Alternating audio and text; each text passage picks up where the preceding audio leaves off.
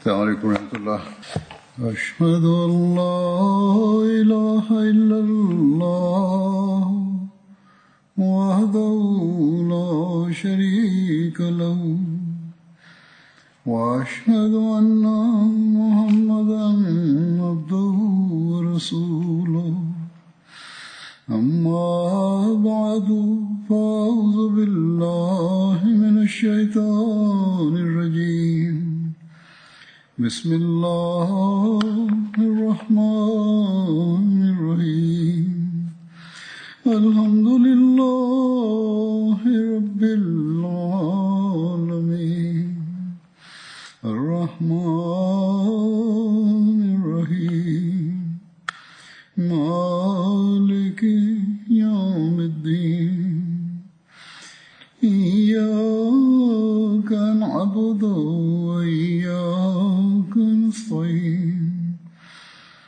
اهدنا الصراط المستقيم صراط الذين أنعمت عليهم غير المغضوب عليهم ولا الضالين 2022ခုနှစ်ဇန်နဝါရီလ28ရက်နေ့မှာ Hazrat Amirul Mu'minin Khalifatul Masih Al-Khamis Ayyadahullah Ta'ala bin Nasr Aziz ပြစ်မခလီဖာသခင်ကြီးကပြည်တိုင်နိုင်ငံအစ္စလာမာဘတ်တယ်ဖိုရှိမူဘာရက်ဘလီဝေကျောင်းမှာဂျမာခွတ်ဘာမချခဲ့ပါတယ်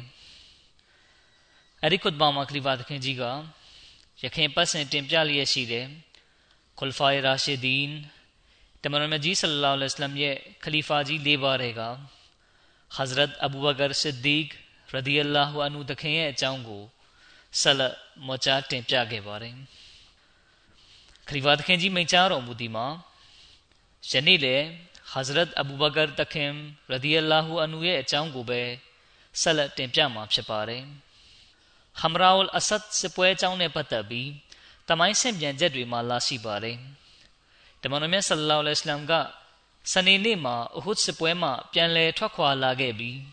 တ်သက်ပြီးတမိုင်းဆင့်ပြန်ချက်တွေမှာလာရှိပါတယ်တမန်တော်မြတ်ဆလ္လာလဟ်အလัยဟိဝါစလမ်ကစနေနေ့မှာအဟွတ်စပွဲမှာပြန်လည်ထွက်ခွာလာခဲ့ပြီးတနင်္ဂနွေနေ့နနက်ဖဂျာအချိန်ရောက်တဲ့အခါဘီလာလ်တခင်ကအာဇန်ဆိုပြီးနောက်တမန်တော်မြတ်ကအိမ်ထဲမှအပြင်သို့ထွက်လာမယ့်အချိန်ကိုစောင့်ပါတယ်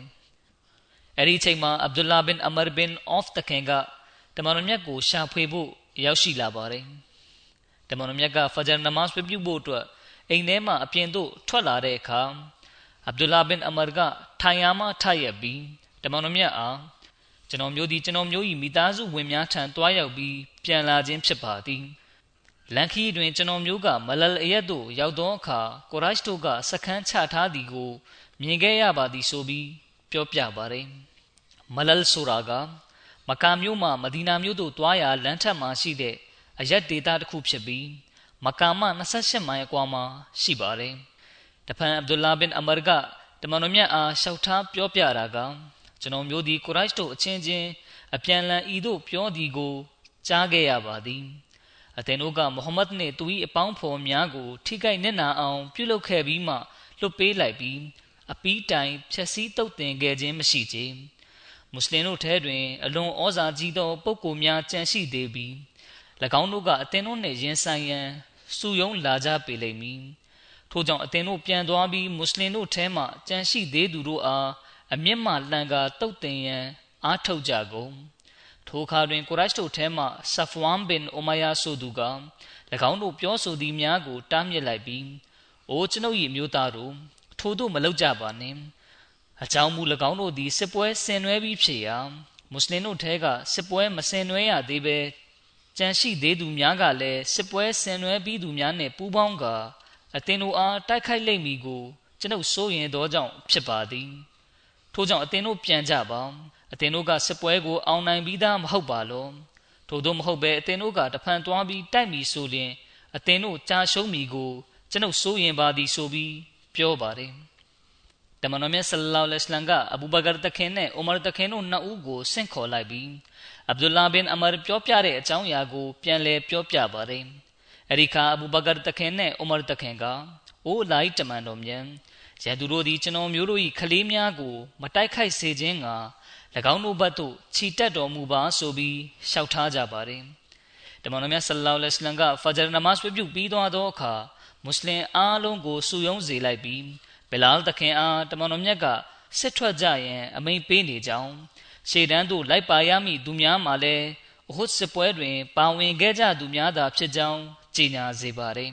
။အဲဒီနောက်တမန်တော်မြတ်ဆလ္လာလဟ်အလိုင်းကအ ဟုတ်စစ်ပွဲတုန်းကယူဆောင်သွားခဲ့ပေမယ့်ဖြီချအုံပြုခြင်းမရှိသေးပဲလှိတ်ထားတဲ့မိမိရဲ့အလံကိုယူလာဖို့တောင်းခံလိုက်ပြီးအဲ့ဒီအလံတော်ကိုအလီတခင်ကပေးအပ်လိုက်ပါတယ်။တမိုင်းဆင်ပြန်ချက်တွေမှာအလံတော်ကိုအဘူဘကာတခင်အားပေးအပ်ခဲ့တယ်လို့လည်းဆိုကြပါတယ်။ဒီလိုနဲ့မွတ်စလင်အုပ်စုကစစ်ချီလာကြပြီးဟမရာအူလ်အဆတ်ဒေသသို့ရောက်ရှိတဲ့အခါမုရှရစ်တို့က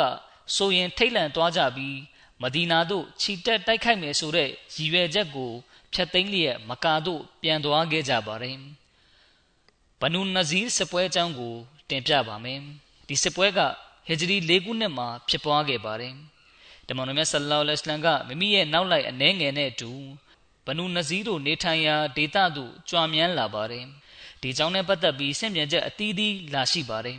။ဘနူနဇီးတို့နေထိုင်ရာဒေသသို့တမန်တော်မြတ်ဆလ္လာလဟ်အလိုင်းကဘာကြောင့် ကြွမြန်းသွားခဲ့ရတာပါလဲ။စင်ပြန်ချက်တစ်ခုမှလာရှိကြရာတမန်တော်မြတ်ဆလ္လာလဟ်အလိုင်းဝါဆလမ်ကအသက်ခံရတဲ့မွတ်စလင်နှုတ်အတွက်ရော်ကြီးတောင်းခံရန်တွားရောက်ခဲ့ခြင်းဖြစ်ပါတယ်။တမန်တော်မြတ်ဆလ္လာလဟ်အလိုင်းဝါဆလမ်နဲ့အတူတာဝကတော်၁၀ပါးခန့်ပါဝင်ပါတယ်။အဲ့ဒီထဲမှာအဘူဘကာတခင်၊အိုမာတခင်နဲ့အလီတခင်တို့လည်းပါဝင်ပါတယ်။ဘနူနဇီလူမျိုးစုထံရောက်ရှိတဲ့အခါတမန်တော်မြတ်ဆလ္လာလဟ်အလိုင်းဝါဆလမ်ကရော်ကြီးငွေပမာဏအကြောင်းဆွေးနွေးပါတယ်။ ဒီခါဘနူနဇီးအုပ်စုဝင်တို့ကမှန်ပါသည်။အိုအဘူလ်ကာဆင်ဦးစွာလူကြီးမင်းအနေနဲ့အစားစားစားတုံပါထို့နောက်တွင်မှရောချင်းငွေအကြောင်းဆွေးနွေးကြတာဘောဆိုပြီးပြောပါတယ်။အဲ့ဒီချိန်မှာတမန်တော်မြတ်ဆလောလ္လဟ်အလိုင်းက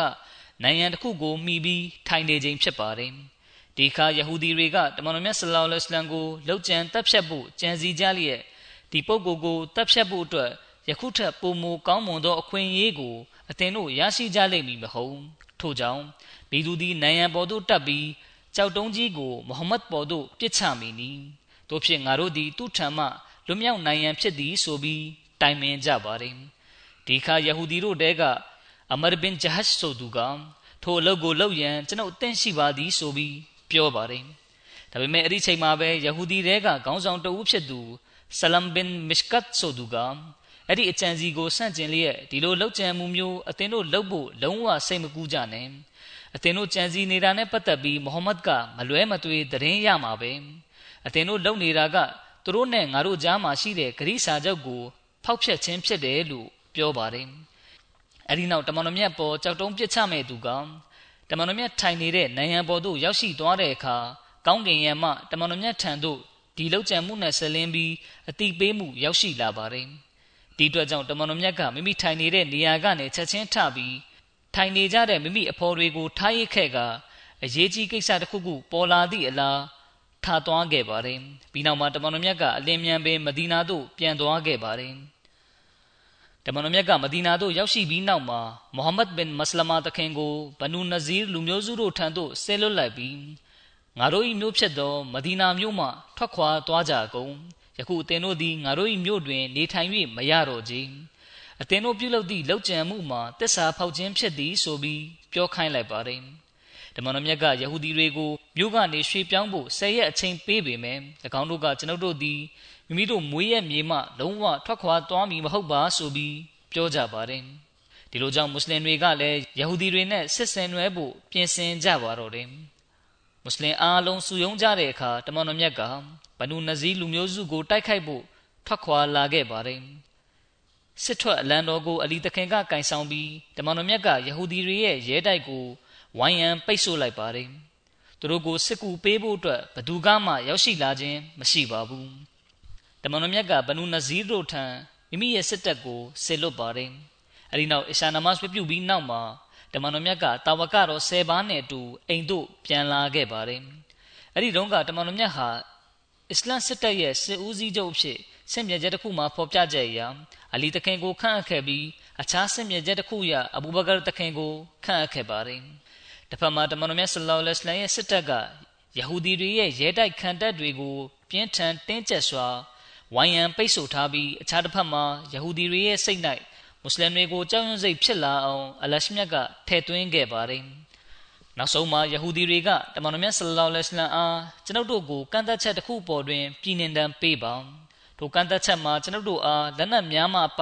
ကလုတ်ပေါ်တွင်တင်လို့ရသည့်ပစ္စည်းပစ္စယများကိုယူဆောင်သွားခွင့်ပေးပါဆိုပြီးတောင်းဆိုကြပါတယ်။တမန်တော်မြတ်ဆလ္လာလဟ်အလัยဟိဝါစလမ်က၎င်းတို့ရဲ့တောင်းဆိုချက်ကိုလက်ခံတော်မူခဲ့ပါတယ်။အခြားဆင့်ပြန်ချက်တစ်ခုမှလာရှိကြရာ တမန်တော်မြတ်ဆလ္လာလဟ်အလိုင်းကယဟူဒီတို့ကို15ရက်တိုင်ဝိုင်းရန်ထားခဲ့ပါတယ်။စင်ပြန်ချက်တွေမှာဝိုင်းရန်ထားတဲ့ရက်တွေနဲ့ပတ်သက်ပြီးအဆိုကွဲပြားကြပါတယ်။တမန်တော်မြတ်ဆလ္လာလဟ်အလိုင်းကအန်ဆွာရီတွေရဲ့ခွင့်ပြုချက်ဖြင့်ဘနူနဇီးစစ်ပွဲကနေရရှိတဲ့လက်ရပစ္စည်းတွေအားလုံးကိုမူဟာဂျီတွေကြားမှာခွဲဝေပေးခဲ့ပါတယ်။အဘူဘကာတခင်ကအိုးအန်ဆာရီပေါင်းတို့အလရှမြတ်ဒီအသင်တို့အားအကောင်းမြတ်ဆုံးသောဆုလက်များကိုချီးမြှင့်တော်မူပါစေဆိုပြီး ဆုတောင်းပေးပါတယ်ဘဒရုလ်မူအာအစ်စစ်ပွဲအကြောင်းကို တင်ပြပါမယ်ဒီစစ်ပွဲကဟဂျရီတက္ကရာ၄ခုနှစ်မှာဖြစ်ပွားခဲ့တဲ့စစ်ပွဲဖြစ်ပါတယ်ဒီစစ်ပွဲဖြစ်ပွားရခြင်းရဲ့နောက်ခံသမိုင်းကအဘူဆူဖီယန်ဘင်ဟရဘ်ကဥဟဒ်စစ်ပွဲကနေပြန်လာတဲ့အခါမွတ်စလင်တွေကိုနောက်နှစ်မှာအသင်တို့နဲ့နောက်နှစ်မှာအသင်တို့နဲ့ကျွန်ုပ်တို့ဘဒရုလ်ဆရာဒေတာမှာတွေ့ကြပြီဆိုပြီးပြောပါတယ်ဒီခါတမန်တော်မြတ်ဆလ္လာလဟ်အလัยဟိဝါစလမ်ကအိုမာဖာရုခ်တခင်ကို ကောင်းပြီးတွေ့ကြတာပေါ့အင်ရှာအလာဟုပြောလိုက်ပါဆိုပြီးပြောခိုင်းလိုက်ပါတယ်အဲဒီလိုပြောပြီးနောက်နှစ်ဖက်အုပ်စုကလူစုခွဲပြီးမိမိတို့တပ်ဆိုင်ရာအရက်ဒေတာတွေကိုပြန်သွားခဲ့ကြပါတယ်ကိုရိုက်တို့ကလည်းမကာတို့ပြန်ရောက်ပြီးနောက်မိမိတို့လူတွေကိုမွတ်စလင်တွေနဲ့နောက်နှစ်မှာတွေ့ကြမယ်ဂရိအကြောင်းကိုပြောကြပါတယ်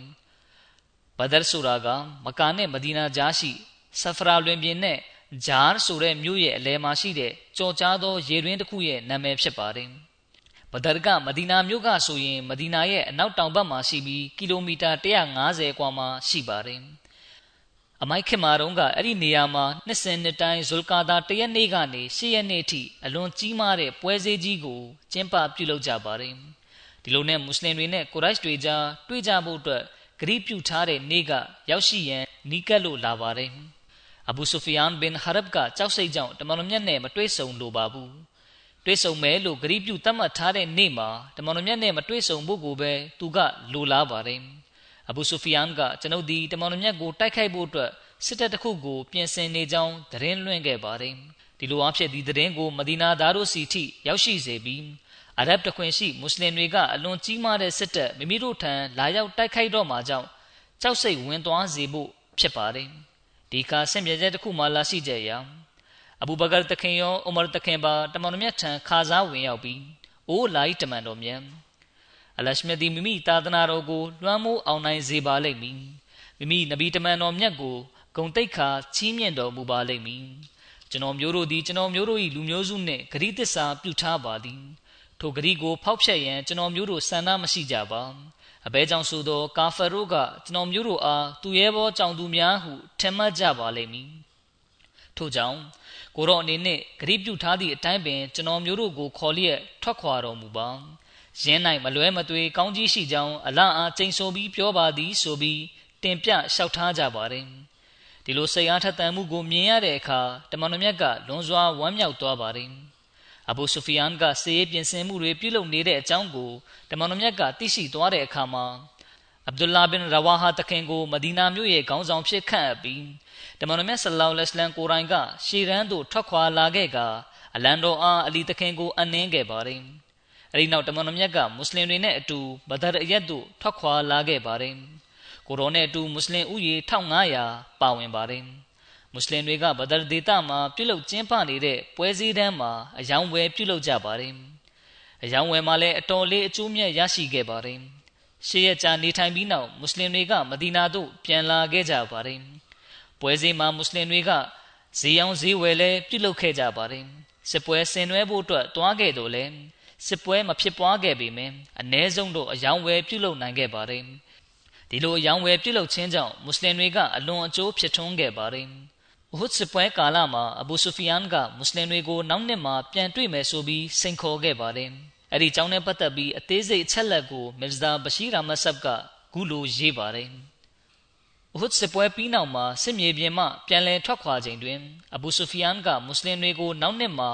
ဘဒရစစ်မြေပြင်၌အသင်တို့နှင့်ကျွန်ုပ်တို့ကြားတွင်စစ်ပွဲဆင်နွှဲကြမည်ဟုစိန်ခေါ်ခဲ့သည်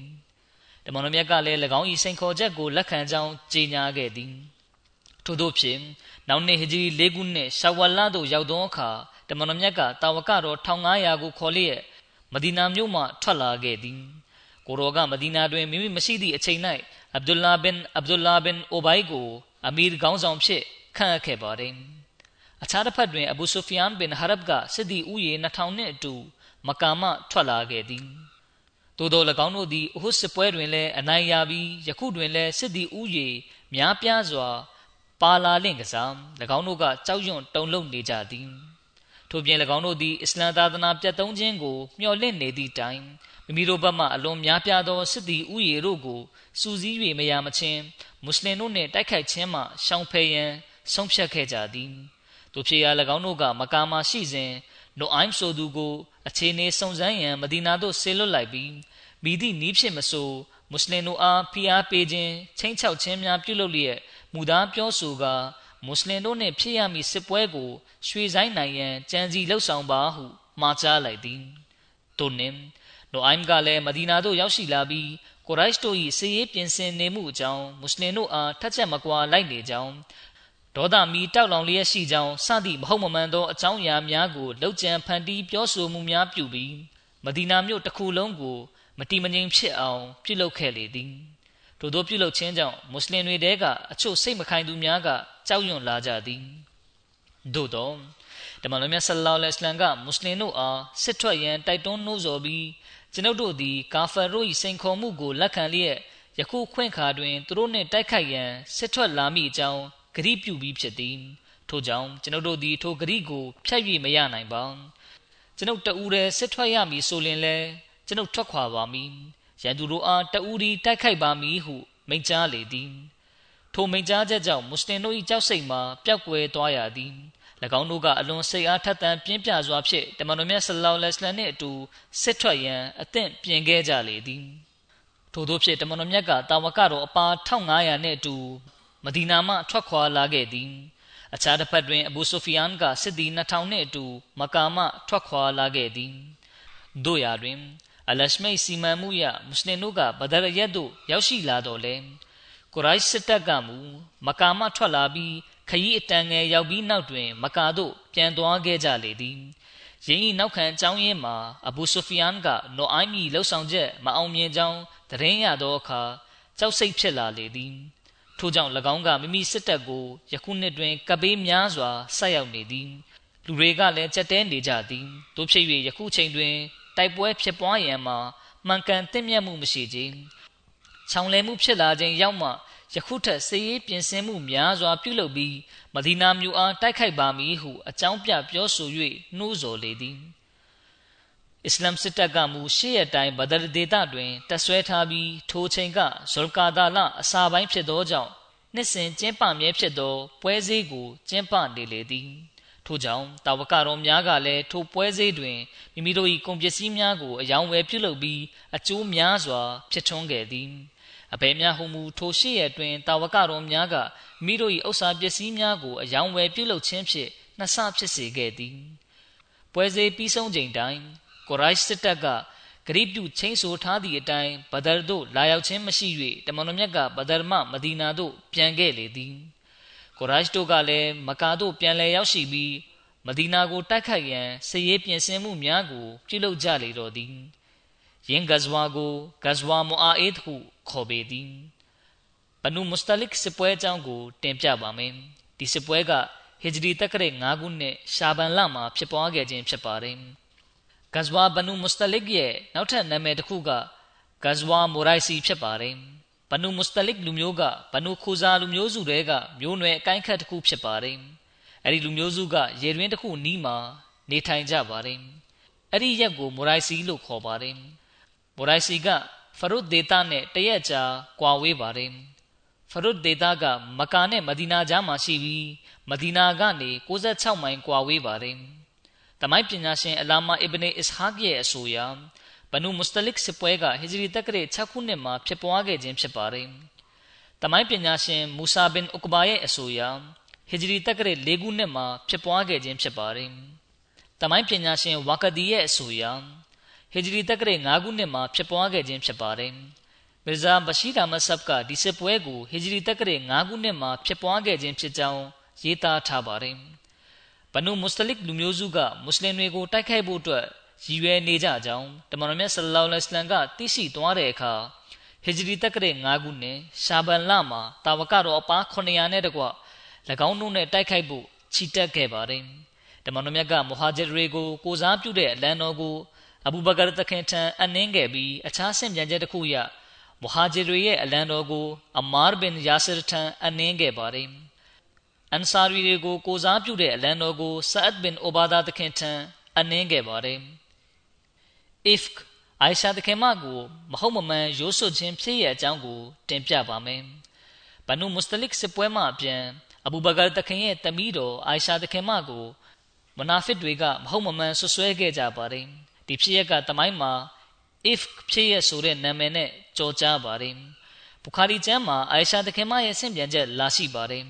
။ဒီဆင့်ပြန်ချက်ကိုယခင်ကတာဝကတော်တပါးကြောင့်တင်ပြခဲ့စဉ်မှာ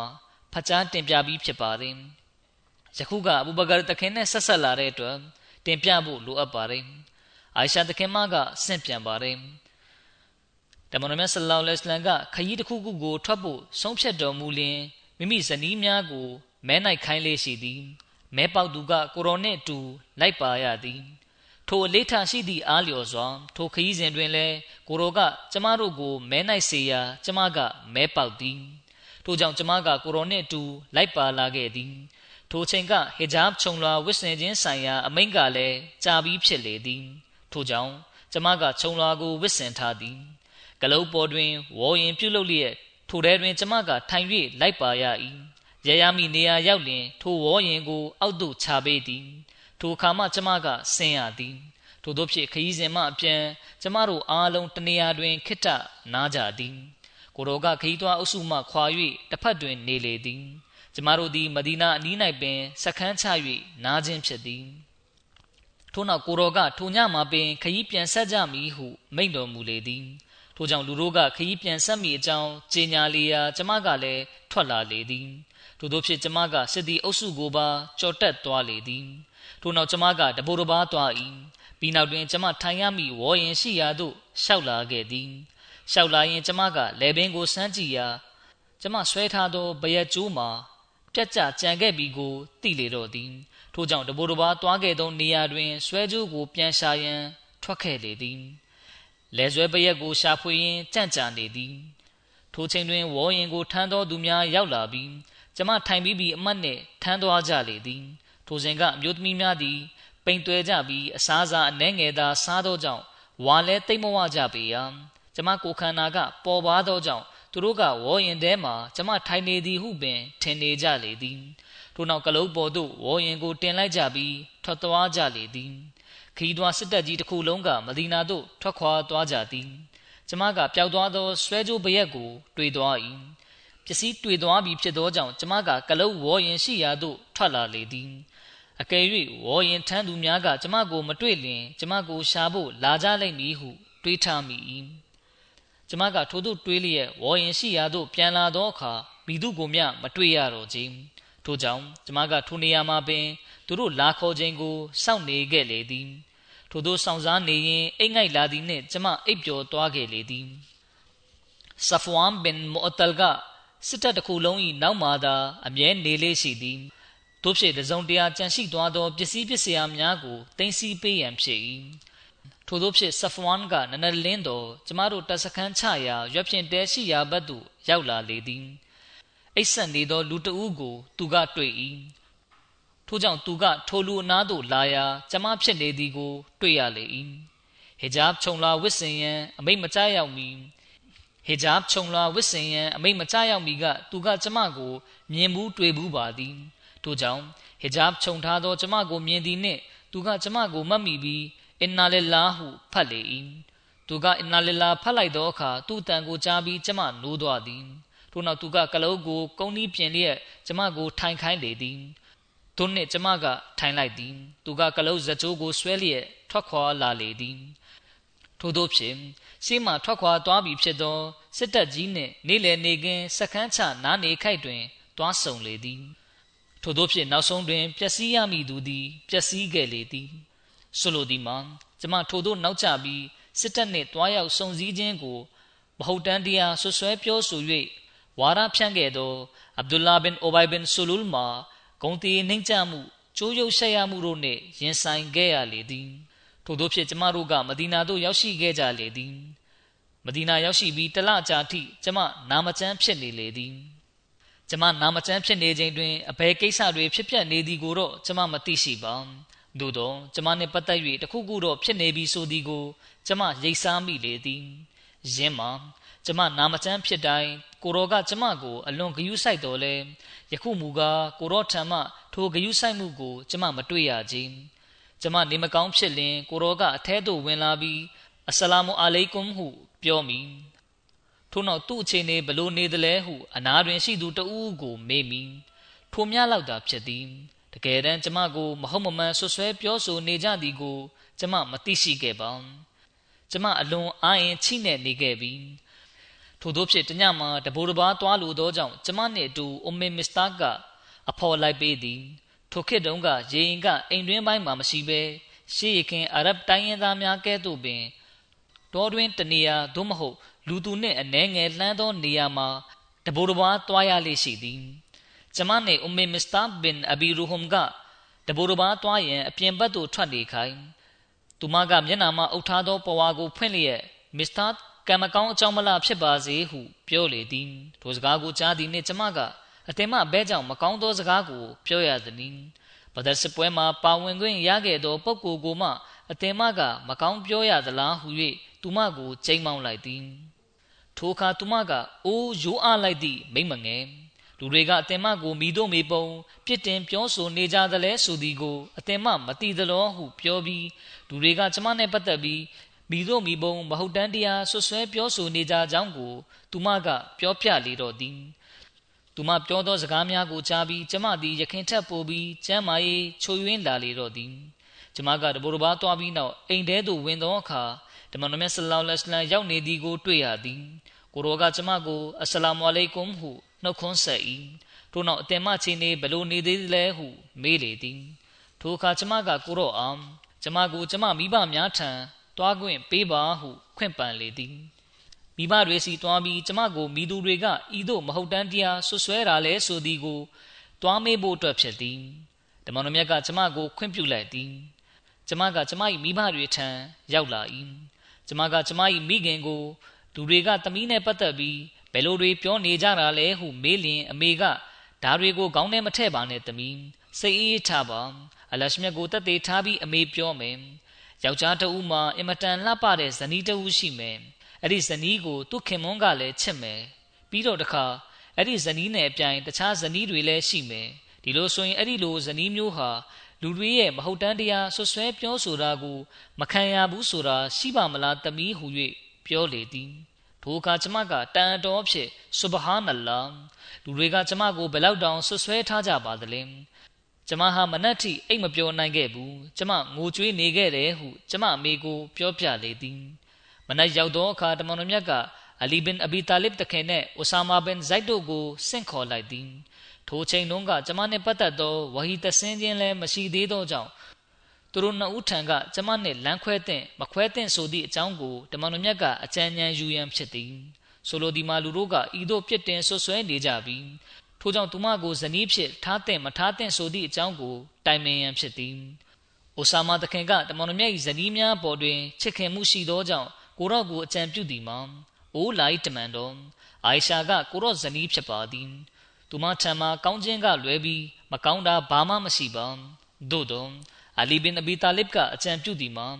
အိုလိုက်တမန်တော်မြတ်အလရှမြတ်ကကိုရော့ကိုခက်ခဲကြက်တဲအောင်ပြုလုပ်ထားခြင်းမရှိခြင်းအိုင်ရှာပြင်တခြားဇနီးတွေလည်းကိုရော့ကိုအရှင်မြတ်ကပေးထားတာပါပဲ အိုင်ရှာနဲ့ပတ်သက်လို့သိရှိရအောင်သူ့ကိုအနီးကပ်ပြုစုစောင့်ရှောက်နေတဲ့အစေခံမျိုးသမီးကိုမေးကြည့်ပါ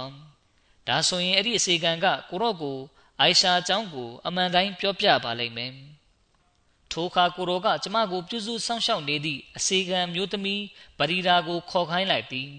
ထို့နောက်ကိုရောကပရီရာကိုအိုင်ရှာထံမှအသင်မှတန်တရားဖြစ်เสียတခုခုတွေ့ရတာများရှိလားဟုမေးလေသည်ပရီရာကလုံးဝမတွေ့ပါ ကိုရောအားအမှန်တရားနှင့်တကွဆေလွတ်တော်မူသောအရှင်မြတ်အားတသက်ထားတိုင်တဲကျိန်ဆို၍ပြောပါ၏အိုင်ရှာနှင့်ပတ်သက်ပြီးအားနည်းချက်ဟုပြောရလျင်သူမသည်ငယ်ရွယ်သောမိန်းကလေးဖြစ်၍ဂျုံနယ်နေရင်အိပ်ပျော်သွားတတ်ခြင်းအိမ်မှာစိတ်သားရင်ချက်သည့်အခါဟင်းကွက်ကသူမရှိရောက်လာလျင်မဆူးမဆန်ပဲချက်ချင်းစားတတ်ခြင်းစသည်တို့များလောက်သာရှိပါသည်ဟုဖြေကြားလေ၏ပရိဒါထံမှထိုဖြေစကားကိုတမန်တော်မြတ်ဆလောလ္လဟ်အလိုင်းကကြားသည်နှင့် တာဝကတော်များကိုခေါ်၏ထို့နောက်ဤသို့ဆွဆွဲပြောဆိုခြင်းမှာအဗ်ဒူလာဘင်အိုဘိုင်၏လောက်ရဖြစ်ကြောင်းကိုသိရှိပြီးသူ့ကိုယ်သာကိုရောကပြစ်တင်ပြောဆိုလေ၏တမန်တော်မြတ်ဆလောလ္လဟ်အလိုင်းကကျွန်ုပ်၏ဇနီးနှင့်ဆက်လင်း၍ကျွန်ုပ်အားစိတ်ထိခိုက်အောင်လုပ်သူအားမိသူတောင်းဝင်ယူမိနီအလံအားတသေးထားချိန်ဆို၍ပြောပါ၏ကျွန်ုပ်သည်မိမိဇနီးများထံတွင် ကောင်းမှုကလွဲပြီးအခြားမိသည်ကိုမျှမတွေ့ရကြ ထို့ပြင်ကျွန်ုပ်ဇနီးနှင့်ဆက်နွယ်၍ဆွဆွဲခံရသောထိုတာဝကတော်ထံမှလည်းကောင်းမှုမှတပါအခြားမိသည်ကိုမျှမတွေ့ရကြသူသည်ကျွန်ုပ်၏အိမ်သို့လာလေတိုင်းကျွန်ုပ်နှင့်အတူသို့မဟုတ်အခြားတာဝကတော်တဦးနှင့်အတူသာလာလေရှိပြီးသူတယောက်တည်းတီးတန့်လာလေရှိသည်မဟုတ်ဟုမိန့်ကြားလေသည်ထိုစကားကိုကြားသောအခါဟာဇရတ်ဆအဒ်ဘင်မာအစ်တခင်ကမတ်တက်ရလိုက်သည်သူကတမန်တော်မြတ်ကိုအိုးလိုက်တမန်တော်မြတ် ထို့သို့မဟုတ်တမ်းတရားဆွဆွဲသောလူကိုကိုရော့အစားကျွန်တော်မျိုးလက်စားချေမိအကယ်၍ထိုလူကအော့စ်လူမျိုးစုကဖြစ်သည်ဆိုလျှင်ထိုလူ၏ခေါင်းကိုဖျက်ပစ်မိအကယ်၍ထိုလူကကျွန်တော်မျိုးတို့၏ခတ်စရက်မျိုးနွယ်စုကဖြစ်သည်ဆိုလျှင်ကိုရောအမိန့်ပေးသည့်အတိုင်းကျွန်တော်မျိုးဆောင်ရွက်မိဟုလျှောက်ထားလေသည်ထိုစကားကိုကြားသည်နှင့်ဟာဇရတ်ဆအဒ်ဘင်အိုဘာဒါတခင်ကချက်ချင်းထရလိုက်သည်သူကခါဇရတ်မျိုးနွယ်စု၏ခေါင်းဆောင်ဖြစ်ပြီးမွန်မြတ်သူတဦးဖြစ်သည် သို့သောမိမိလူမျိုးဂုံကို ထိလာသောကြောင့်ဒေါသထွက်ပြီးအိုဆအဒ်ဘင်မာအာစ်အသင်ပြောတာမှားတယ်အလာကိုတသက်ထားပြီးပြောမယ်အသင်ငါတို့လူမျိုးတွေကလူကိုတတ်ခွင့်မရှိဘူးဒီလိုလောက်ခွင့်ကိုလည်းအသင်ကိုငါမပေးနိုင်ဘူးဟု ပြောလေသည်ထို့သောဖြင့်တစ်ဖက်နှင့်တစ်ဖက်အချင်းများကြလေတော့သည်ထိုအခါဥဆိုင်ဘင်ဥဇိုင်ကထားရလိုက်သည်ပြီးနောက်ဥဆိုင်ကအိုဆတ်ဘင်အိုဘာဒါအသင်ပြောတာမှားတယ် အလာကိုကြိုင်ဆိုတက်သေးထားပြီးပြောမယ်ငါတို့ကဘယ်လူမျိုးတွေကဖြစ်ဖြစ်ကိုတော့ဇနီးအားအသေးဖြတ်သူကို မုတ်ချတပ်ဖြတ်မှာဖြစ်တယ်လို့ပြောလေသည်အိုဆိုင်ကဆတ်ဘင်အိုဘာဒါကိုအသင်ဟာတကယ်တော့ဝနာဖစ်ယုံကြည်ဟန်ဆောင်သူတဦးဖြစ်လို့ဝနာဖစ်တွေဘက်ကလိုက်ပြီးပြောနေခြင်းဖြစ်တယ်ဟုပြောလေသည်ထိုအခါအော့စ်နစ်ခတ်စရက်လူမျိုးစုနှစ်ခုလုံးက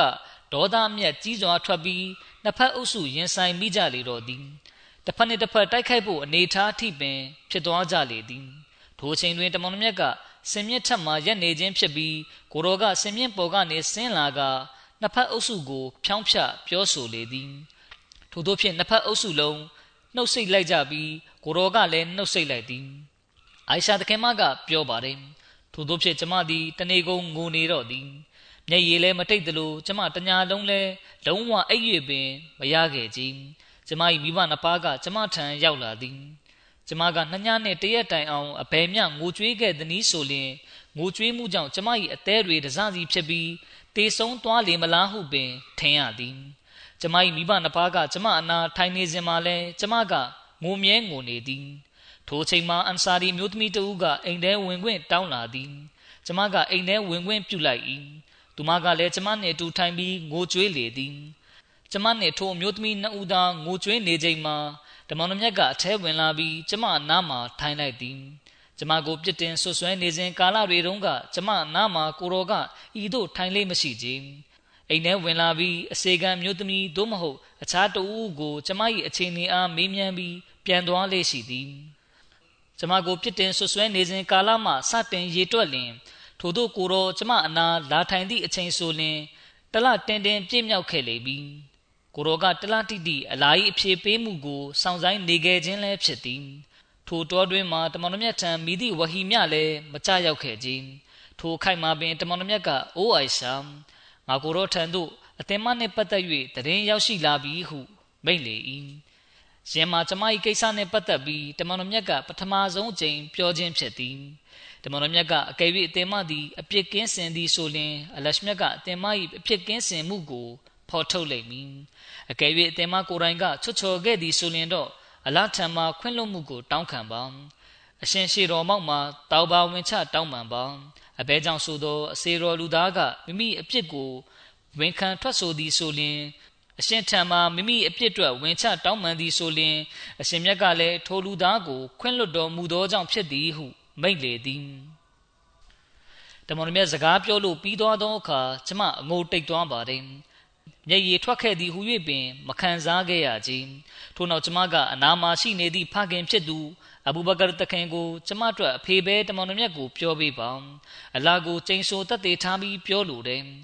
ကိုရောကိုကျမဘာပြောရမှန်းမသိလို့ပါဟုပြောလိုက်သည်ထို့နောက်ကျမကမိခင်ပတ်သို့လှည့်ပြီးအမေတမန်တော်မြတ်ကိုကျမကိုစားပြောပေးပါကျမဘာပြောရမှန်းမသိကြောင်းအလာကိုကျိန်ဆိုတက်သေးထားပြီးပြောလိုတယ်ဟုပြောလိုက်သည် အိုင်ရှာတခင်မကပြောပြပါတယ်ကျမကအသက်ရွယ်ငယ်သောမိန်းကလေးတဦးဖြစ်သောကြောင့်ထိုစဉ်ကျမ်းမြတ်ကုရ်အာန်နှင့်ပတ်သက်ပြီးတော့လည်းအများပြားသိရှိနားလည်ထားခြင်းမရှိသေးပါထို့ကြောင့်ကျမကကိုရောကိုဤသို့ပြောလိုက်၏လူတွေအချင်းချင်းအပြန်အလှန်ပြောဆိုနေကြတဲ့စကားကိုကိုရောတို့ကြားပြီးဖြစ်လောက်မယ်ဆိုတာကျမသိပါသည်ထို့ပြင်ထိုစကားတွေကကိုရောစိတ်ကိုထိခိုက်စေမယ်ဆိုတာကိုလည်းသိပါသည်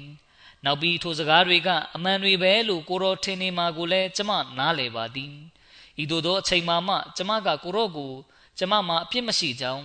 ကျမဘာမှမလုပ်ခဲ့ကြောင်းပြောမိဆိုရင်ကိုရောကကျမကိုယုံမိမဟုတ်ချေ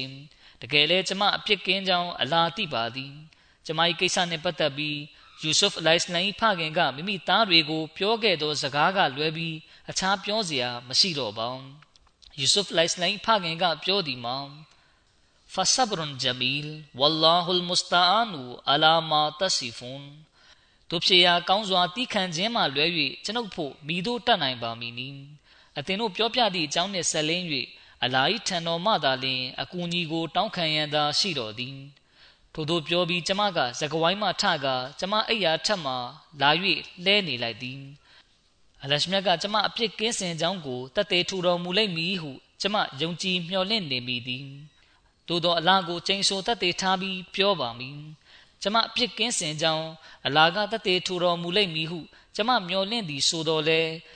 ကျမနဲ့ပတ်သက်ပြီးတမန်တော်မြတ်ထံဝဟီပြားရိတ်ပို့ချရလောက်သည့်အထိတော့ကျမမမျှော်လင့်ထားတာအမှန်ပါကျမကုရ်အာန်မှာဝဟီအားဖြင့်ဖော်ပြရလောက်သည့်အထိကျမကအဆင့်မမြင့်ပါကြီးမိမိကိုယ်ကိုထိုမျှအဆင့်ရှိသူဖြစ်လဲမထင်မှတ်ပါကြီးကျမသည်ဘာမျှမပြောပလောက်သူပါ တကယ်ကျမမျော်လင့်ထားတာကတမန်တော်မြတ်ကိုလာရှမြတ်ကအိမ်မက်အားဖြင့်ကျမအပြစ်ကင်းစင်ကြောင်းဖော်ပြလိုက်ပြီးဆိုသည်မြလောက်တာဖြစ်သည်ကျမကအိယာထက်မှလှဲလျောင်းနေပြီးတမန်တော်မြတ်ကမိမိထိုင်နေသောနေရာမှထမသွားသေးပဲထိုင်နေစဉ်မှာပင်ထို့ပြင်ကျမတို့အိမ်မှာရှိနေသောလူတဦးတယောက်မျှအပြင်ကိုယ်တော်မထွက်သွားသေးသည့်အချိန်မှာပင်ကိုရော့ထံဝဟီပြရိတ်ကြားရောက်လာလေသည် ပုံမှန်အားဖြင့်ဝဟီကြပြီးဆိုလျှင်ကိုရောသည်လေးလံကြီးမားသောဝေဒနာတရက်ကိုခံစားရလေရှိသည်ထိုချိန်တွင်လည်းကိုရောသည်ထုံးစံအတိုင်းအလွန်ကြီးမားသောဝေဒနာတရက်ရက်ကိုခံစားရပါတော့သည်ထိုချိန်တွင်ဆိုလျှင်ကိုရောသည်ချွေးများပြန်လာတတ်သည်ဝဟီကြပြီးဆိုလျှင်စောင်းရာသည်ဖြစ်လင်ကစားကိုရောခန္ဓာကိုယ်မှချွေးသည်ချွေးပေါက်များသည်ပလဲလုံးတွေလိုတဇက်ဇက်ကြလာတတ်ပါသည် ထို့သောဖြင့်တမန်တော်မြတ်သည်ဝဟီကြခြင်းအခြေအနေကိုခံစားရပြီးနောက်မှာပြုံးတော်မူလေသည်ပြီးနောက်ပထမဆုံးကိုရောမိန့်တော်မူလိုက်သောစကားမှာကအိုအိုင်ရှာအလကိုကျေးဇူးတင်လွန်အလရှမြတ်ကအတင်မတွင်အပြစ်မရှိကြောင်းတသေးထူတော်မူလိုက်ပြီး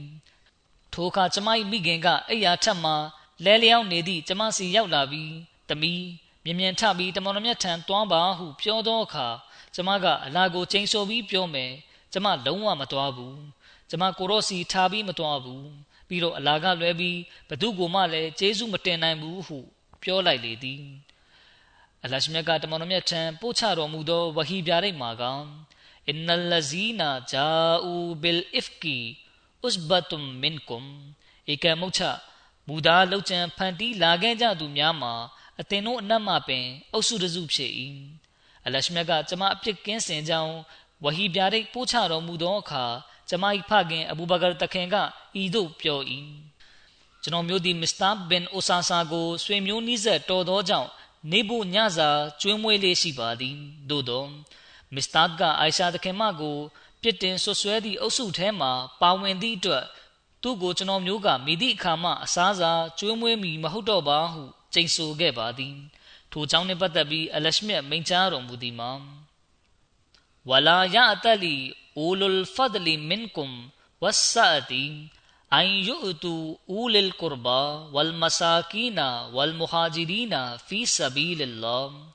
ဝလ်ယာဖူဝလ်ယစဖဟူအလာတုဟစ်ဘူနာအန်ယဂဖီရအလ္လာဟူလကုမ်ဝလ္လာဟူဂဖူရ်ရဟီမ်ထို့ပြင်အသင်တို့နှင့်ဂုံဒရကြီးမြင့်သူနှင့်တက်ဆွမ်းနိုင်သူတို့သည် မိမိတို့၏နီးစပ်သူတားခြင်းများသူစင်ရဲများအလာဟီလန်တော်တွင်ဟိဂျရတ်ပြုပြောင်းရွှေ့သူတို့အားမိဒီကိုမျှမပေးမကမ်းဟုကျိန်ဆိုခြင်းမပြုကြလင်တို့ဖြစ်ရာ၎င်းတို့သည်ဥပေက္ခာပြု၍ခွင့်လွတ်ကြရပေမည်အလာကအသင်တို့အားအပြစ်မှခွင့်လွတ်တော်မူရန်ကိုအသင်တို့မလိုလားကြသလုံးစင်စစ်အလားသည်လွန်စွာခွင့်လွတ်တော်မူသောအရှင်အဖန်တလဲလဲတနာကျင်နာတော်မူသောအရှင်ဖြစ်တော်မူ၏ကျမ်းမြတ်ကုရ်အာန်24ချိုး23 အဘူဘကာတခင်ကပြောပါတယ်ထိုမုခဘတ်တော်တဆင်းလာသောအခါကျွန်တော်မျိုးသည်မိမိအပြစ်များမှအလရှမြတ်ခွင့်လွတ်ပေးလိုက်သည်ကိုလိုလားပါသည်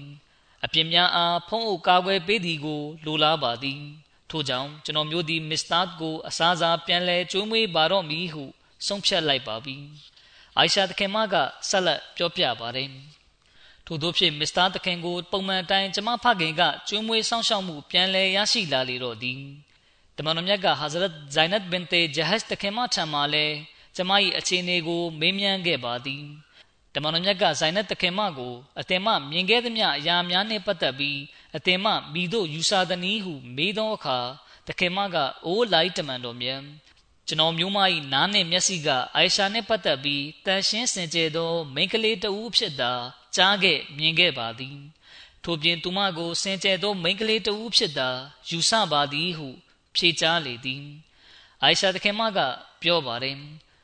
ဇိုင်နတ်တခင်မဆိုဒီမှာတမန်တော်မြတ်၏ဇနီးများတဲ့တွင် ကျမနှင့်မိသည့်ကိစ္စတွင်မဆို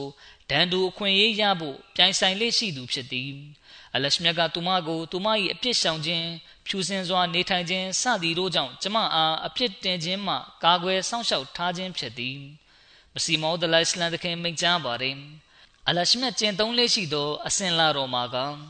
ပြစ်ဒဏ်ခတ်မီဟုဂရိပြုထားသောကြိုတင်ဟောကိန်းကို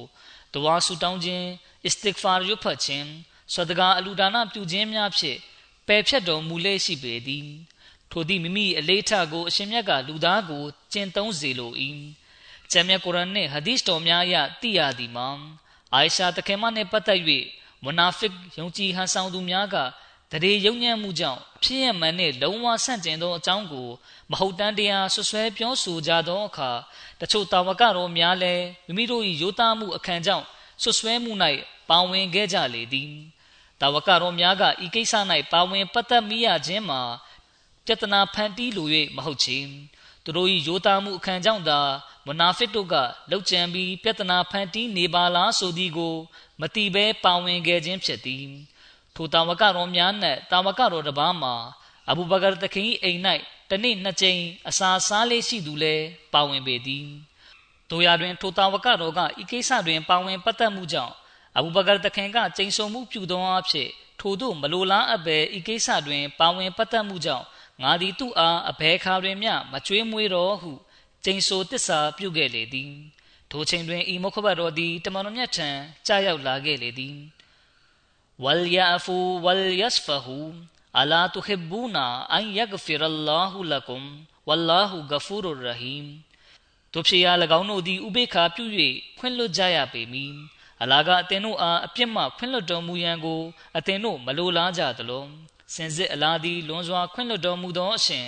အဖန်တလဲလဲတနာကျင်နာတော်မူသောအရှင်ဖြစ်တော်မူ၏ထိုအခါဘူဘကာတခင်ကမိမိပြုထားသောကျိန်ဆိုချက်ကိုပယ်ဖြတ်ခဲ့လေသည် သူဖြစ်ရာတစုံတဦးကကျိန်ဆိုမှုသဘောမျိုးဖြင့်တခုခုလုံးမည်ဟုအဋိဌံပြုခဲ့သည်ရှိသောထိုအဋိဌံကိုပယ်ဖြတ်ခြင်းသည်အစ္စလမ်ကိုကျင့်တရားအရေးသွေးများနှင့်တခုပါဝင်ဖြစ်ပေသည်ကျိန်ဆိုဂရိပြုမှုဆိုသည်ကအဘေရာပါနီကျိန်ဆိုဂရိပြုမှုဆိုသည်မှာဥပမာတဦးတယောက်ကမိမိအစေခံတဦးနှင့်ပတ်သက်ပြီး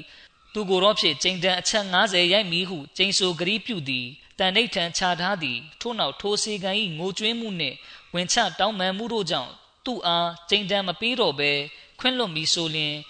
ယင်းမှာအစ္စလမ်ကျင့်တုံးအစဉ်လာပင်ဖြစ်ပေသည်သူအားဖြင့်တခလကူဘီအခလာကလာအလရှမေဂုံတော်အရေးသွေးများနှင့်အညီလိုက်နာကြင့်ကြံခြင်းဆိုသည်နှင့်အညီဖြစ်လာစေရန်သည်တို့ရာတွင်ဂရီပြုလိုက်ပြီးဆိုလျင်တော့ထိုဂရီကိုချိုးဖောက်ခွင့်မရှိကြ ဂရီကိုဖျက်ခြင်းကလုတ်ပိုင်ခွင့်မရှိတော့လဲကျိန်ဆိုမှုနှင့်အဋိဌံကုန်မှုဖျက်ခွင့်ရှိပေသည်အခုဆက်လက်ပြီးအဲဇာဘ်စပွဲအကြောင်းကိုတင်ပြပါမယ်ဒီစပွဲကဟီဂျရီတက္ကရာ9ခုနှစ်ရှာဝလမှာဖြစ်ပွားခဲ့ခြင်းဖြစ်ပါတယ်အဲဇာဘ်စပွဲကမကာဒါကာဖာတွေနဲ့မွတ်စလင်တွေကြားမှာဖြစ်ပွားတဲ့တတိယမြောက်စစ်ပွဲကြီးဖြစ်ပါတယ်။အဲဒီစစ်ပွဲကိုအဟဇပ်အပြင်ခန္ဒတ်စစ်ပွဲလို့လည်းခေါ်ပါတယ်။ မကာဒါကိုရိုက်လူမျိုးစုခိုင်ဘာမှယဟူဒီအုပ်စုများစတဲ့အုပ်စုတွေကစုပေါင်းပြီးမဒီနာသို့ခြိတက်လာခြင်းဖြစ်ပါတယ်။ဒီအတွက်ကြောင့်ဂျမ်းမြတ်ကုရ်အာန်မှာဖော်ပြထားတဲ့ဆူရာအဟဇပ်ဆိုတာကလည်းဒီစစ်ပွဲကိုရည်ညွှန်းခြင်းဖြစ်ပါတယ်။ဒီမှာမြတ်ဆလောလ္လဟ်အလัยဟိဝါစလမ်ကဘနူနဇီလူမျိုးစုကိုပြည်နှံတန်ပေးလိုက်တဲ့အခါ၎င်းတို့ကခိုင်ဘာသို့ပြောင်းရွှေ့သွားခဲ့ပါတယ်။၎င်းတို့တဲကအချို့အကြီးကဲများကမကာသို့ထွက်ခွာသွားပြီးကိုရိုက်တွေနဲ့တွားရောက်ပူးပေါင်းပါတယ်။ ပြီးနောက်မကာသားတွေအားတမန်တော်မြတ်ကိုတိုက်ခိုက်ဖို့အတွက်တိုက်တွန်းပါတယ်။မကာသားတွေကလည်းယဟူဒီတွေနဲ့သဘောတူစာချုပ်ချုပ်ပြီးမွတ်စလင်တွေကိုစစ်စင်နွဲဖို့ပြင်ဆင်ကြပါတယ်။စစ်ပွဲဆင်နွဲဖို့အတွက်ရက်သက်မှတ်ပြီးဂရီးပြုခဲ့ကြပါတယ်။ဘနူနဇီလူမျိုးစုတွေကကိုရိုက်တွေနဲ့တွားရောက်တွေ့ဆုံကြသူတွေကကိုရိုက်တွေထံကတဆင့်ဂတ်ဖန်လူမျိုးစုနဲ့ဆိုလိုင်းလူမျိုးစုတို့ထံသို့ရောက်လာကြပြီး ကိုရိုက်တို့နီးတူ၎င်းတို့နဲ့လည်းသဘောတူစာချုပ်ချုပ်ဆိုကြပါတယ်။အဲဒီနောက်မှာဘနူနဇီလူမျိုးစုဝင်တွေကခိုင်ဘာသို့ပြန်လာကြပါတယ်။ဒီလိုနဲ့ကိုရိုက်တို့ကမွတ်စလင်တွေနဲ့စစ်ပွဲဆင်နွှဲဖို့အသင့်ဖြစ်ခဲ့ကြပြီးမကာမြို့အနီးဝန်းကျင်ကလူမျိုးစုအသီးသီးကိုအထူးသဖြင့်၎င်းတို့နဲ့မဟာမိတ်ဖွဲ့ထားကြတဲ့အာရဗ်လူမျိုးစုတွေကိုစူးစီးလိုက်ကြပါတယ်ဒီခါစုစုပေါင်းစစ်သည်ဥယေ4000ဖြစ်သွားပါတယ် အဘူဆူဖီယန်ဘင်ဟရဘ်က၎င်းတို့ရဲ့ခေါင်းဆောင်ဖြစ်ပါတယ်လန်ခီတလျှောက်မှာရှိတဲ့နောက်ထပ်လူမျိုးစုတွေကိုလည်းကိုရိုက်တွေနဲ့ပူးပေါင်းကြဖို့အဘူဆူဖီယန်ကလှုံ့ဆော်ပါတယ်ဒီလိုနဲ့တဖြည်းဖြည်းစစ်သည်ရေတွက်ကတထောင်ဖြစ်လာပါတယ်သူတို့အားလုံးပူးပေါင်းပြီးမကာမမဒီနာတို့ထွက်ခွာလာပြီးဆိုတဲ့အကြောင်းကိုတမန်တော်မြတ်ဆလ္လာလဟ်အလัยဟိဝါစလမ်ကသတင်းရသွားပါတယ်ဒီခါတမန်တော်မြတ်ကတာဝကတော်တွေကိုခေါ်လိုက်ပြီး ရန်သူတွေမဒီနာသို့ခြိတက်လာပြီးဆိုတဲ့အကြောင်းကိုသတင်းပေးလိုက်ပါတယ်ပြီးနောက်ဘယ်ပုံဘယ်နည်းလှုပ်ဆောင်ရမလဲဆိုတဲ့အကြောင်းနဲ့ပတ်သက်ပြီးတမန်တော်မြတ်ကတာဝကတော်တွေနဲ့တိုင်ပင်ပါတယ်အဲဒီခါတာဝကတော်ကြီးဆလမန်ဖာစီတခင်ကကျုံမြောင်းတူပြီးရန်သူကိုကာကွယ်ဖို့အကြံပြုပါတယ်အဲ့ဒီကြံဉဏ်ကိုမွတ်စလင်တွေကနှစ်သက်သွားကြပါတယ်မဒီနာမြို့ရဲ့အရှိဘက်ကပွင့်နေပြီးအနောက်ဘက်တောင်ဘက်နဲ့မြောက်ဘက်တွေမှာကအိမ်တွေပြည့်နေပါတယ် ဒီလိုကြောင့်ရန်သူတွေကအဲ့ဒီသုံးဘက်ကနေမဒီနာထဲသို့ဝင်ရောက်နိုင်မှာမဟုတ်ပဲအရှိဘက်တစ်ခုတည်းကနေသာဝင်ရောက်နိုင်ပါတယ်ဒါကြောင့်ပွင့်နေတဲ့အရှိဘက်ပိုင်းကိုကျုံမြောင်တူပြီးမြို့ကိုကာကွယ်ဖို့အတွက်ဆုံးဖြတ်ခဲ့ကြပါတယ်တမန်တော်မြတ်ဆလ္လာလဟ်အလัยဟိဝါစလမ်ကတာဝကတော်အပါ3000နဲ့အတူကျုံမြောင်တူခြင်းလုပ်ငန်းကိုစတင်လှုပ်ဆောင်ပါတယ်တမန်တော်မြတ်ကတာဝကတော်တွေရဲ့စိတ်အားထက်သန်မှုမြင့်တက်လာစေဖို့အတွက်ကိုရောတိုင်းကျုံမြောင်းတူးတဲ့အလုပ်မှာ ပါဝင်ကူညီလောက်ကင်ပေးပါတယ်ဒီလိုနဲ့6ရက်အတွင်းမှာကျုံမြောင်းတူးတဲ့လုပ်ငန်းစဉ်ကပြီးမြောက်သွားပါတယ်ကျုံမြောင်းရဲ့အရှိကပေ9000ရှိပြီးမိုင်နဲ့ဆိုရင်3မိုင်ခွဲရှိပါတယ်အဘူဘကာတခင်ကတစ်ချိန်လုံးတမန်တော်မြတ်နဲ့အနီးကပ်သာနေပါတယ်ကျုံမြောင်းတူးစဉ်မှာအဘူဘကာတခင်ကမိမိရဲ့အဝတ်နဲ့မြေကြီးတွေကိုတည်ယူပါတယ်ကိုရောမြတ်ကလည်းကျုံမြောင်းတူးတဲ့အခါမှာ တာဝကတော်တွေနဲ့အတူလှုပ်အားပေးပါတယ်ဒီလိုအဖြစ်တတ်မှတ်ထားတဲ့ရက်အတွင်းမှာအလင်းမြန်လုပ်ငန်းပြီးသွားစေဖို့ပါပဲအဘူဘကာတခင်နဲ့အိုမာတခင်ကမြေကြီးထဲ့စရာတောင်းမတွေ့ရင်မိတို့အဝတ်တွေနဲ့ခံပြီးတည်ယူကြပါတယ်ဒီတာဝကတော်နှစ်ပါးစလုံးဟာအလုတ်လုတ်တဲ့နေရာမှာဖြစ်စေခရီးသွားတဲ့နေရာမှာဖြစ်စေဘယ်လိုအခြေအနေမှာမှကြွေကွင်းခွဲခွာရဲဆိုတာမရှိပါဘူး တမန်တော်မြတ်ဆလ္လာလဟ်အလัยဟိဝါစလမ်ကကျုံမြောင်းတူးတဲ့အခါမှာများစွာစူးစမ်းအားထုတ်ပါတယ်တခါတခါမှာပေါက်ပြားဖြစ်မြေကြီးကိုပေါက်ပြီးတခါတခါမှာဂေါ်ဖြစ်မြေကြီးကိုစုပါတယ်တခါတခါမှာမြေတောင်းဖြစ်မြေကြီးထည့်ပြီးတဲယူတွားတတ်ပါတယ်ကျုံမြောင်းတူးစဉ်တရက်မှာတမန်တော်မြတ်ကအလွန်မောပန်းလာတာကြောင့်ကိုရောကထိုင်လိုက်ပါတယ်တဖန်ကိုရောမြတ်ကမိမိရဲ့လက်ရဘက်ချမ်းကိုစောင်းပြီးအမိတခဲပြုတ်ပြီးနားနေစဉ်အိပ်ပျော်သွားပါတယ် ဒီခါအဘူဘကာတခင်နဲ့အိုမာတခင်ကအနားရောက်လာပြီးကိုတော့အနီးမှာရက်လျက်ကိုရောနိုးသွားမှာဆိုတာကြောင့်လူတို့အားကိုရောရှိကနေဖြတ်မလျှောက်ကြဘူးတားမြစ်ပါတယ်ကိုရိုက်နဲ့အပေါင်းပါစစ်တပ်ကြီးကမဒီနာမြို့ကိုမွတ်စလင်တွေဝိုင်းရန်ပိတ်ဆို့လိုက်တဲ့အခါအဲဒီကာလအတွင်းမှာအဘူဘကာတခင်ကမွတ်စလင်စစ်တပ်တစ်ခုကိုဥဆောင်ကွက်ကဲနေခဲ့ပါတယ်နောက်ပိုင်းမှာအဘူဘကာတခင်ကွက်ကဲခဲ့တဲ့နေရာမှာမစဂျစ်ဝေချောင်းတော်တစ်ခုကိုတိစောက်ခဲ့ပါတယ် အဲ့ဒီဝေချောင်းကိုမစဂျစ်ဆစ်ဒီကလို့ခေါ်ပါတယ်အဘူဘကာတခင်ရဲ့အကြောင်းကမပြီးသေးပါဘူးနောက်ခါမှာဆက်လက်တင်ပြပါမယ်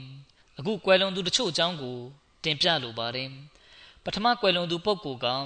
ဝဘာရကာဘေဂမ်ဆာဟီဘာဖြစ်ပါတယ်သူမကဇန်နဝါရီလ17ရက်နေ့2022ခုနှစ်မှာကွယ်လွန်ခဲ့ခြင်းဖြစ်ပါတယ်အင်နာလ illah ဝအင်နာအီလာဟီရာဂျီအွန်သူမကမုခတာအာမတ်ဂွန်ဒလ်ရဲ့ဇနီးဖြစ်ပါတယ် သူမကမစီမောဒလအစ္စလမ်တခင်ရဲ့တာဝကတော်တစ်ပါးရဲ့ချွေးမဖြစ်ပါတယ်သူမဟာအလွန်မုံမြတ်တဲ့အရေးသွေးတွေကိုပိုင်ဆိုင်ထားသူဖြစ်ပါတယ်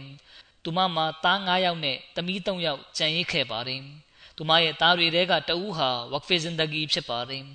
ကွယ်လွန်သူဒုတိယပုဂ္ဂိုလ်ကမီရ်အဗ်ဒุลဝဟီဒ်ဆာဟစ်ဖြစ်ပါတယ်သူက2022ခုနှစ်ဇန်နဝါရီလ12ရက်နဲ့13ရက်နေ့ကြာညချိန်မှာကွယ်လွန်ခဲ့တာဖြစ်ပါတယ် အင်နာလ illah ဝအင်နာအီလိုင်ဟီရာဂျီအွန်2020ခုနှစ်မှာသူနဲ့သူ့မိသားစုကိုမဟုတ်တမ်းတရားဆွဆွဲပြီးမော်လဝီတွေနဲ့အခြားအာမဒီမဟုတ်သူတွေပူးပေါင်းပြီးသူ့အိမ်ကိုဝိုင်းခဲ့ကြပါတယ်အိမ်ကနေသူ့ကိုထွက်ခွာဖို့အတွက်ရဲတွေကကူညီခဲ့ကြပေမယ့်နောက်ပိုင်းမှာသူ့သားတွေတဲကတယောက်ကိုသာသနာအသေးဖြတ်မှုပုံမှန်ဖြစ်ဆွဆွဲပြီးထောင်ချခဲ့ကြပါတယ်။သူသားကအခုထိထောင်ထဲမှာရှိနေပြီးသူ့ဖခင်ရဲ့ဇာပနာတို့တက်ရောက်ခွင့်မရလိုက်ပါဘူး။ ကွယ်လွန်သူတတိယပုဂ္ဂိုလ်ကဆယက်ဝကာရအဟမတ်ဆာဟစ်ဖြစ်ပါတယ်။သူကဇန်နဝါရီလ18ရက်နေ့မှာနှလုံးရောဂါနဲ့ကွယ်လွန်သွားခဲ့ခြင်းဖြစ်ပါတယ်။အင်နာလ illah ဝအင်နာအီလိုင်ဟီရာဂျီအွန်သူကအမေရိကန်မှာနေထိုင်သူဖြစ်ပါတယ်။သူဇနီးကမီဇာဘရှိရာမတ်ဆာဟစ်ရဲ့တမီးတော်ဘက်ကမြစ်တော်ဆက်ပြီးမီဇာရှရီဖ်အာမတ်ဆာဟစ်ရဲ့သားတော်ဘက်ကမြစ်တော်ဆက်ပါတယ်။သူဟာသူ့ဇနီးအတွက်ခင်မွန်းကောင်းဖြစ်ပြီး သားသမီးတွေအတွက်စံပြဖခင်ဖြစ်ပါတယ်။သူဟာကိုကြိုးမဖတ်ဘဲရိုးရှင်းစွာဘဝတည်ဆောက်ခဲ့သူဖြစ်ပါတယ်။သူကမစဂျစ်ဝေချောင်းကိုတွားတဲ့အခါတိုင်းမိမိယူထားတဲ့ဘိုင်ယတ်ကို ပြန်လည်ပြီးအကြိမ်ကြိမ်ရွတ်ဆိုလေးရှိကြောင်း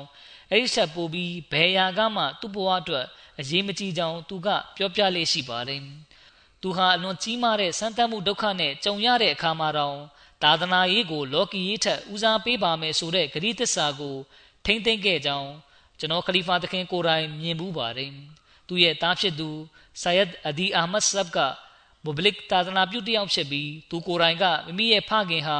ရိုးရှင်းတဲ့ဘဝကိုကြောင်းလန်းခဲ့ကြောင်းမိမိလိုအပ်ချက်ထက်မိသားစုရဲ့လိုအပ်ချက်ကိုသာဦးစားပေးဖြည့်ဆည်းခဲ့သူဖြစ်ကြောင်းပြောပြပါတယ်